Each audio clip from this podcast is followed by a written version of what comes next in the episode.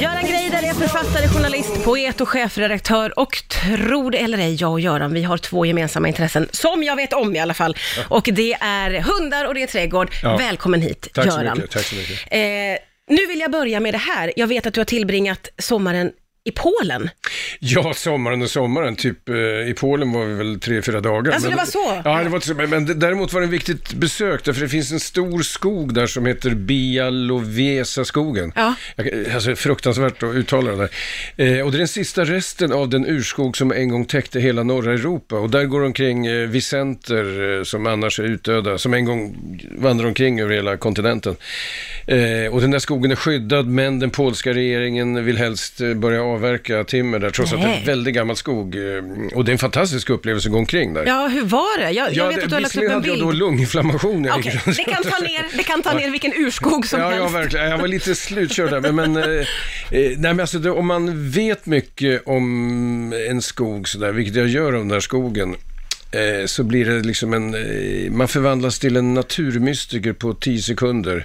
Man går i ett grönt skimmer, man hör enstaka fåglar, man ser omkullfallna träd, man ser lindar som är pff, hund, jag vet inte hur gamla de är, Nej. urgamla. Ja.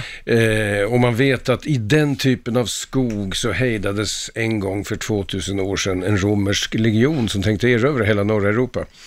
I den skogen så eh, tänkte Hermann Göring, när de försökte ockupera Ryssland, upprätta en arisk skog genom att befolka skogen med gamla, eh, form, gamla vildhästar och sånt där. Alltså, de sköt alla judar, alla polacker som bodde. Fruktansvärd historia. Ja. Så minnesmärken överallt.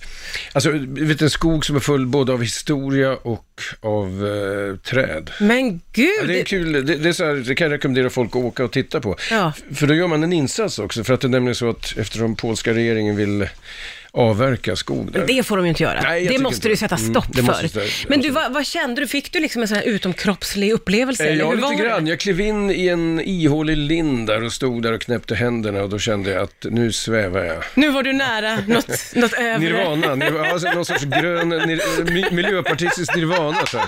Det var en ganska skön Det känsla. fanns i en urskog i Polen. Ja, ja. ja, det är ett li, liten yta. Jag tror att alla miljöpartister får rum där. Så det kommer säkert gå bra. Jag älskar ditt intresse för trädgård, odling och natur får vi säga. Mm, ja. Jag följer ju dig i sociala medier och det Mm, du gör det. Ja, väldigt närvarande i, på ditt Instagram att Ja, du just det. liksom, du älskar att vara i naturen, får Ja. jag intryck av. Ja, men så är det verkligen. Alltså, jag går ju, i, i alla fall i Dalarna, när man, och där är ju en stor del av året, så, så går jag ju alltid i skogen. Jag har gått upp stigar där. Jag och min hund har gått upp stigar Ja. inom vackra aspdungar och så här. Och, eh, det är en speciell... Sen är det kul, vi bor ju där precis intill ett stort ekologiskt jordbruk. Mhm. Jag behöver bara luta mig över gärdsgården så kan jag liksom dra upp eh, färska morötter. Och, Är det lagligt det? Nej, fast eh, maskinerna Ni som... kompisar. Nej, det, det ligger en massa sådana som blir kvar som inte... Det går inte att sälja morötter som ser ut som sexualsymboler. Just Du vet, de det. kan Nej. bli väldigt säkra. Eh, och de brukar göra morotssoppa av. Nej, men eh, jag tror ju att vi, människan som art, eh, har behov av att vara av och till nära naturen. Alltså. Ja. Alltså vi har ju naturen i oss, för det första. Jag menar, i min munhåla finns det väl 400 sorters bakterier. Ja, just det. Om vi ska börja redan Om på man- den ja, vi- nivån. menar, vi, vi, vi, är natur, Ja, ja. Men vi behöver nog eh, vara nära naturen för att eh, hitta något i oss själva. Det är jag helt övertygad om. Det där tycker jag är intressant för att jag vet ju att du spenderar mycket tid i Dalarna och i Stockholm. Ja. Eh, Och eftersom jag då följer dig på sociala medier så får jag intryck av att även när du är i Stockholm så söker du naturen. Abs- ja, absolut. Alltså, så fort det finns någon gräsplätt, någon skog och sen har man hund också, Ja. så är det klart att det är ju mycket roligare för en hund att gå i en sån miljö jämfört med att gå i innerstan här. Det är ju liksom asfalt. hopplöst. Nej, ja, ja, Verkligen. tråkigt. Ja. Eh, så att, nej, det där har betytt mycket för mig. Jag har ju genom åren skrivit väldigt mycket om eh, vet, så här, skogsbruk, sådana frågor. Ja. Eh, biologisk mångfald eh, och även klimatfrågor. Så, här. så, så att eh, det där är, det är väl en av de saker som jag oroar mig mest för. Alltså, avfolkningen av landsbygden gör ju att folk inte längre är närvarande i en massa natur som kan skövlas hur som helst utan att någon ser det praktiskt taget. Alltså kalhyggen efter kalhyggen. Eh, till långt in på 70-talet så bodde det ju folk ofta i byar, en liten stuga någonstans Ja, ute, ja, ja. Ja. som såg vad som hände och Ja. då blev det ett jävla liv helt enkelt. Ja. Idag så pågår det ju rena massmordet på biologisk mångfald ute i skogarna som ingen reagerar på, Nej. för man ser inte det. Nej, Nej det Och längs vägarna hemskt. så är ibland skogsbolagen ganska bra på att inte avverka precis vid vägen. Så Ja, exakt, så att man inte ska uppfatta Ja, så man inte ska det se riktigt. vad som finns bakom där. Så Ja, att, eh, och än där bakom är det helt Eh, ja, skövlat. Ja, liksom. nej, men det är den viktigaste livlinan vi har, tror jag. eh, Kontakten med biosfär, natur. Det där är ju också intressant utifrån att vi ju står inför ganska stora eh, våndor skulle jag säga. Eh, jag, tänker både, eh, jag tänker såklart på klimatförändringarna Mm. och vad vi är inne i med liksom Greta-effekt och, och Ja, vara ja. självförsörjande. Det finns mycket att prata om. Du lyssnar på Rix FM. Det är Göran Greider som är gäst här hos mig idag. Eh, det, finns, det finns otroligt mycket att prata eh, om med någon som är författare, journalist och poet och chefredaktör och som älskar odling, trädgård och natur som jag själv gör. Nu har vi ägnat en, en god stund åt att prata om, eh, ja faktiskt så kom vi in på att prata om Greta lite grann. Ja, lite grann, ja, f- faktiskt. Och hennes seglats över. Eh, v- vad tänker du om Greta-effekten? Nej, jag tycker det är väldigt bra att hon eh, säger det hon säger. Jag läste hennes lilla bok som kom ut här. Du har sett den? Ja, ja, just det. är det. hennes tal alltså. Ja. Eh, och jag tycker att hon också är lite mer radikal än vad folk uppfattar det som. När hon säger att eh, det är en massa, det är ett litet antal rika människor som håller på att ödelägga planeten. Det är faktiskt det hon säger. Ja. Och det är ganska tufft egentligen om man tänker på. Det är väl väldigt Jag tufft? menar, det, det är verkligen... det är att ta bladet från munnen. Ja, ja, verkligen. Nej, alltså det är lite mer eh, tufft budskap där än vad kanske en del uppfattar. Nej, jag, eftersom det där är en av de stora ödesfrågorna. Det finns ju liksom två ödesfrågor just nu. Det ena är så här skenande ojämlikhet överallt. Det blir större och större klyftor. Och det andra är just det här med klimatfrågan och hela den här konsumistiska vansinnet som pågår hela tiden. Hur ser du på framtiden vad gäller de sakerna? Eh, nej, jag är opt- alltid optimist. Ja, du är det? Eh, Alltså, jag, verkligen, jag tror att till slut löser vi saker och ting. Eh, absolut, ingen tvekan. ingen tvekan. Ingen Allt, kommer att tvekan. gå, allt kommer att gå bra. Jag, jag Vad tror det. skönt. Nej, men jag tror det faktiskt. Därför att, eh, eh, men tyvärr, innan det börjar gå bra så riskerar vi att eh, utrota ganska många arter. Ja, det är vi på oss. väg med redan va? Ja, det pågår ju. Alltså, Vi är inne i det här sjätte ja, ut- sjätte massutdöendet. ja, ja. Så, så, att, um, det är ju det, alltså, det, det kommer hända mycket dåligt innan det kanske blir bättre. Ja, men du, du väljer att tro att det ska ordna sig. Ja, det tror jag. Alltså, det, människan löser de problem hon ställs inför till slut på ett eller annat sätt, tror jag. Ja. Jag tror det faktiskt. Ja. Så jag är inte orolig. Du, vad skönt. Eh, du är ju, som jag sa, eh, du är en hel rad saker. Du är också poet och du ska Mm. släppa en, eh, en poesibok. Det är roligt att du använder ordet släppa, för att på något sätt så känns det som man är musik- musiker. Nej, nej, Är det inte kom- det samband med känsla? Här släpps ett antal dikter. Ja, ja, precis. ja, jag läste in det som ljudbok också faktiskt.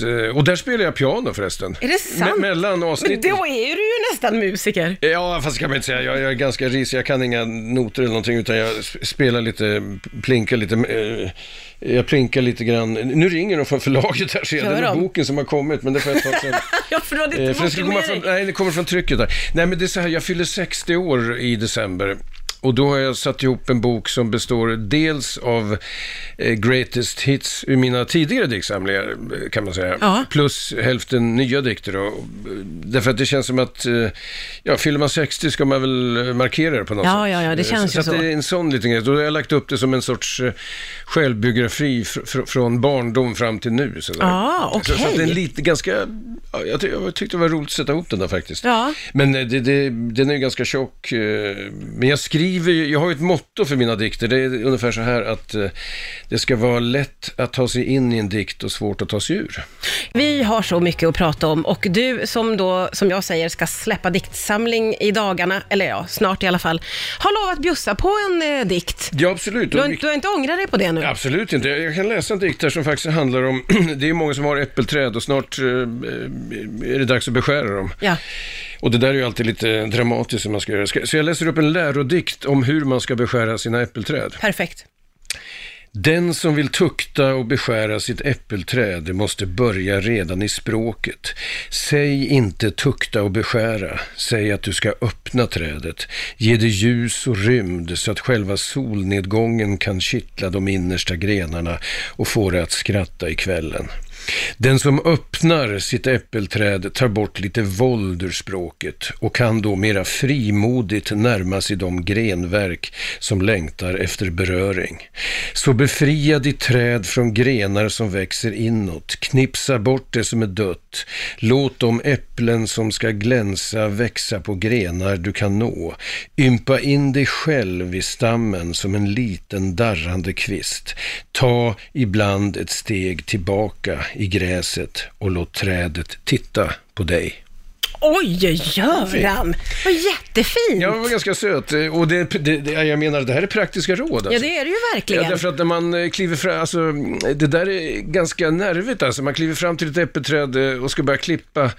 Eh, Jag får alltid lite ångest då, för man är rädd att klippa för mycket. Ja, ja, ja. Fast Och då kan det vara misstag- kört på vissa ja, delar. misstagen man gör att man klipper för lite för det mesta. Ja, ja, ja, precis. Man spar, och så blir det ändå så yvigt och Ja, det stort. blir väldigt, eh, så att det, det där är en bra, man ska låta trädet titta på dig liksom. Ja, just det. Man ska ha någon slags kontakt Ja, jo, med trädet. Jo, jag, jag tror det. Innan man ger sig på. Ja, och även efter så här, så att Ja, man, och just be om förlåtelse om det går till. Så här, det, ja, men det ser ju ut som en frisersalong efteråt, så här, med på golvet. Ja, ja, ja, just det. Det är mycket städa om man säger så. Mm. jo. Ja, det är mycket. ja, men det är mycket. kul med äppelträd. Det är kul att få besök av dig. Det finns alltid så mycket att tala om. Väldigt roligt att du kom och hälsade på mig här på Rix FM idag. Du är välkommen tillbaka när du vill nästan. Tack ska du ha. Tack för idag. Ja, tack.